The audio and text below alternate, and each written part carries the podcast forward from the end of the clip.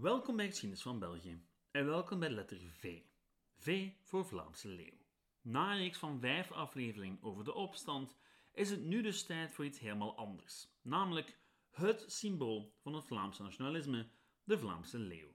Vandaag heb ik het over de oorsprong van dat vreemde beest, het wapenschild, de vlag, het logo van de Vlaamse gemeenschap, het volkslied en nog veel meer. Welkom bij België van Z. Voordat ik van start ga met de Vlaamse leeuw, nog even deze korte mededeling. Namelijk dat deze aflevering en die van volgende week een beetje korter zullen zijn dan normaal.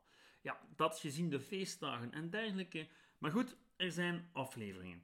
En na de feestdagen zal ik weer gewone afleveringen kunnen posten. Goed, veel plezier.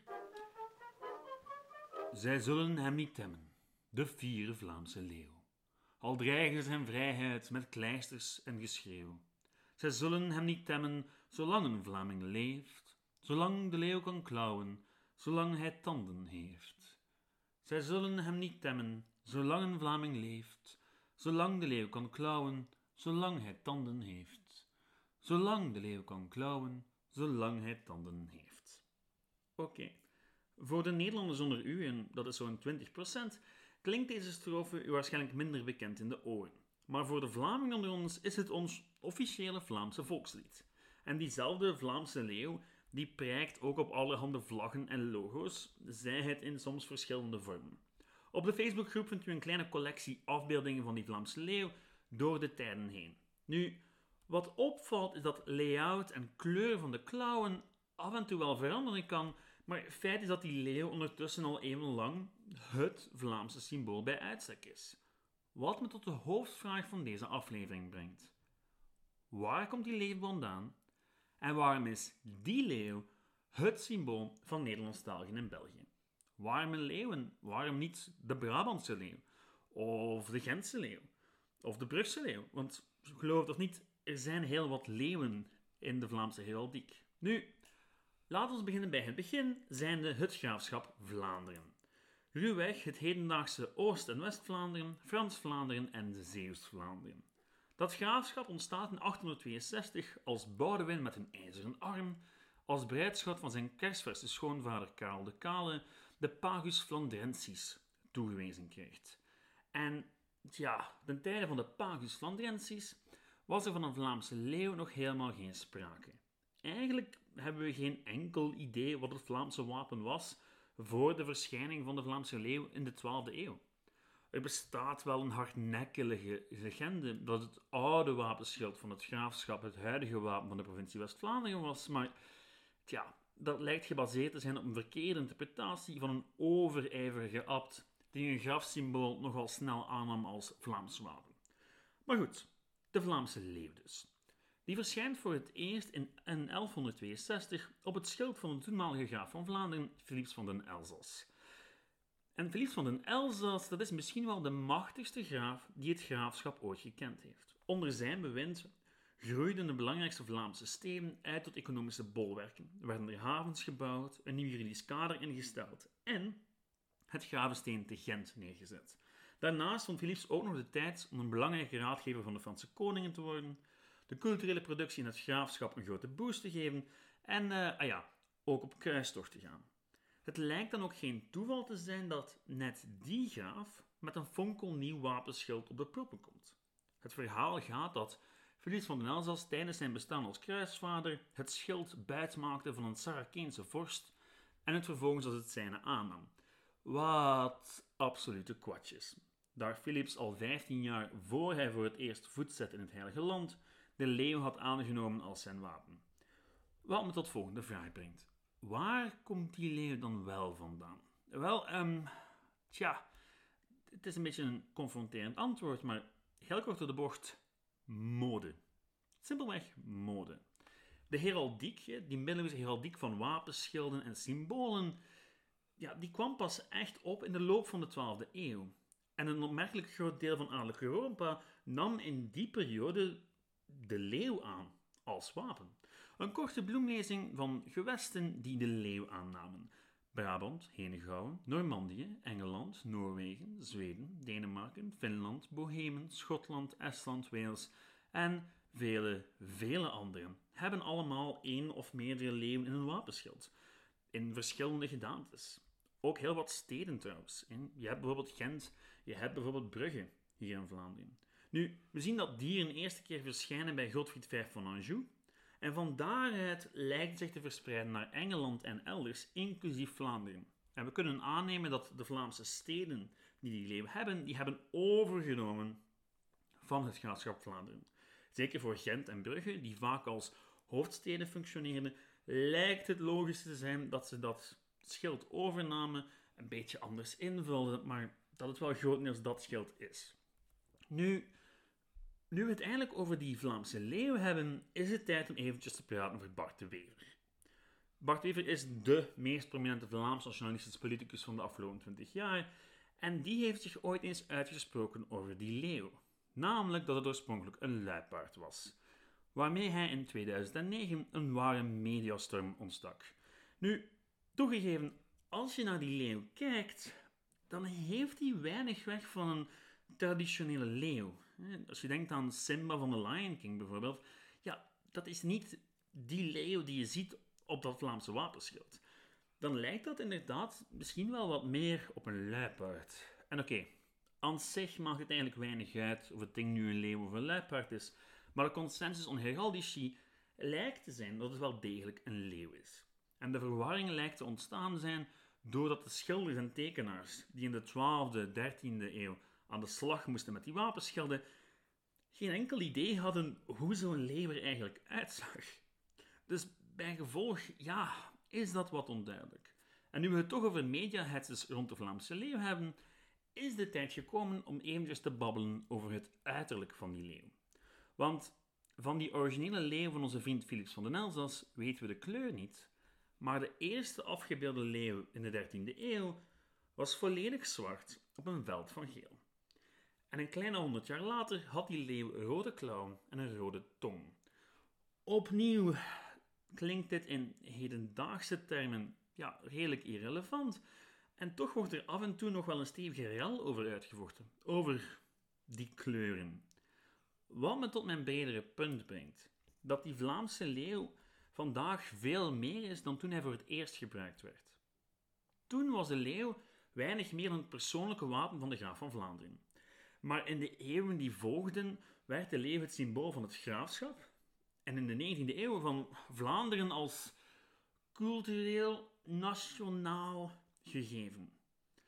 En in de 19e eeuw was Vlaanderen al lang niet meer synoniem aan het graafschap. Vanaf de 17e en 18e eeuw werd het Nederlands sprekende deel van de zuidelijke Nederlanden steeds meer geïdentificeerd met de term Vlaanderen. En oké, het zou nog wel even duren voordat Brabanders zich als Vlamingen zouden identificeren, toch gebeurde dat uiteindelijk wel. Al waren die Vlamingen na de Belgische Revolutie van 1830 toch nog vooral Belgen in de eerste plaats. En ook net door de grote dreiging voor dat jonge België vanuit zuidelijke, lees Franse hoek, werd de Gulden Sporenslag tot een mythische status verheven. En met die Gulden Sporenslag dus ook de Vlaamse leeuw. Het werk van Hendrik Conscience, de leeuw van Vlaanderen, was daar niet vreemd aan.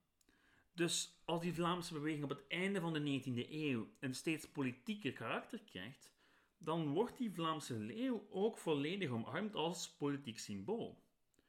Voor alle Nederlandstaligen in België. En dan hebben we het over de Vlaamse leeuw met rode klauwen en tong. Nu, na de Eerste Wereldoorlog was er een deel van de Vlaamse beweging die het volledig had gehad met België. En van zo'n tricolore Vlaamse leeuw, u weet wel, zwart, rood, geel, niet meer weten we. Dat leek veel te veel op de Belgische driekleur. Dus het alternatief was dan de volledig zwarte leeuw. De originele leeuw, zou je wel kunnen zeggen. En het was het meer radicale deel van de Vlaamse beweging die na de Eerste Wereldoorlog die zwarte leeuw gaat gebruiken. En het is natuurlijk dat radicale deel van de Vlaamse beweging dat gaat collaboreren tijdens de Tweede Wereldoorlog. Dus dat leverde die zwarte vlag de naam collaboratievlag op. Een term die u de afgelopen jaren misschien al eens heeft horen waaien. Herinnert u zich nog die leeuwenvlaggen die men liet verwijderen op Pukkelpop in 2019? Wel, dat waren zogenaamde collaboratievlaggen. Daar was toen een hele hetze over, omdat ja, die vlaggen worden inderdaad gelinkt aan extreemrechtse ideaal. Omdat ze op een bepaald moment door extreemrechtse en zelfs zo'n tijd fascistische bewegingen gebruikt werden.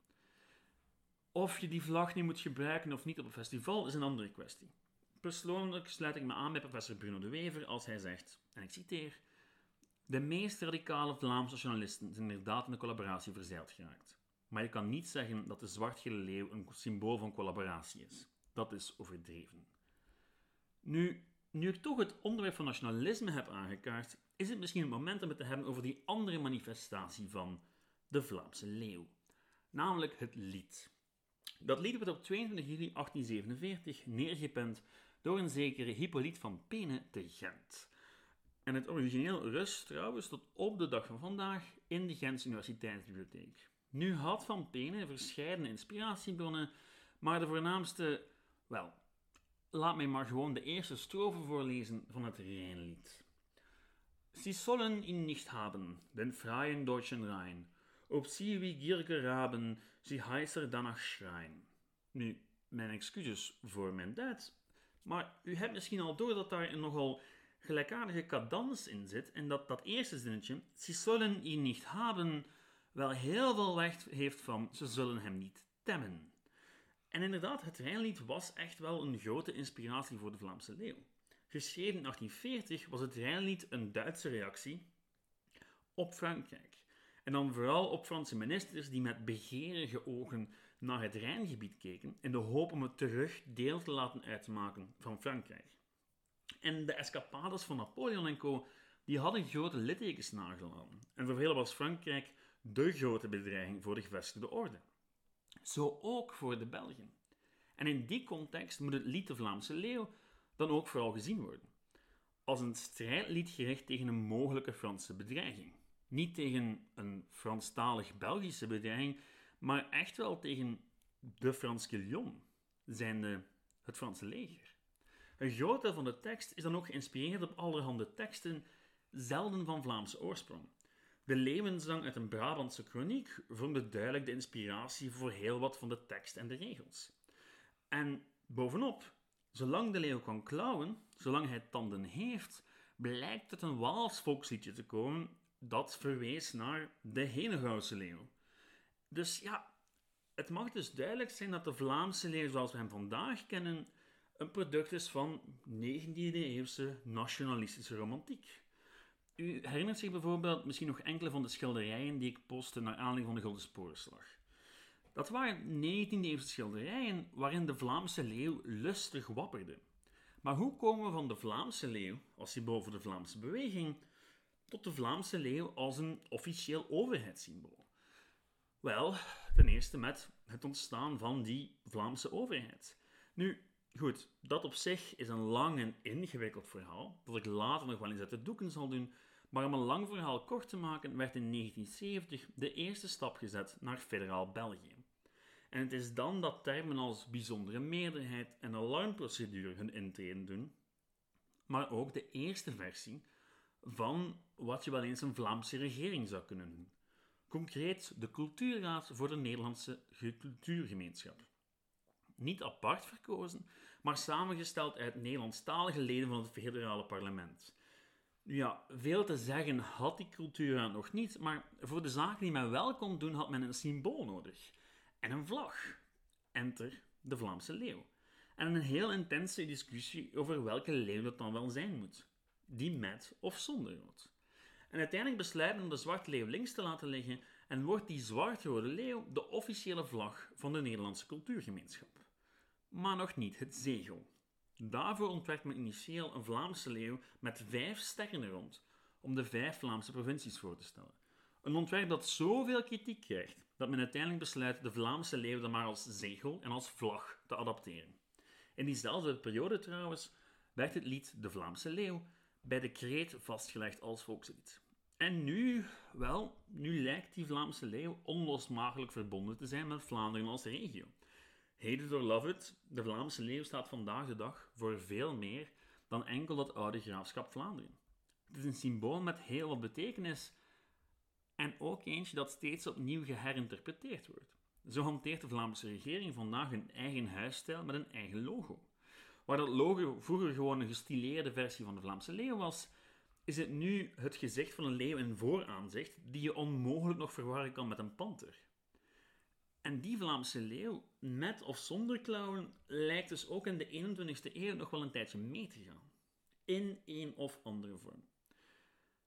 Oké, dat, liefste luisteraar, was het voor de Vlaamse leeuw. Wie meer wil weten over de heraldiek van het oude wapenschild, wijs ik met veel plezier door naar een oud artikel door Maurits Gijsseling. Sommige van de conclusies zijn iets wat verouderd, maar de man is zo diep in de geschiedenis van de Vlaamse leeuw gedoken dat hij uiteindelijk zelfs bij de Babyloniërs en de Egyptenaren uitkwam.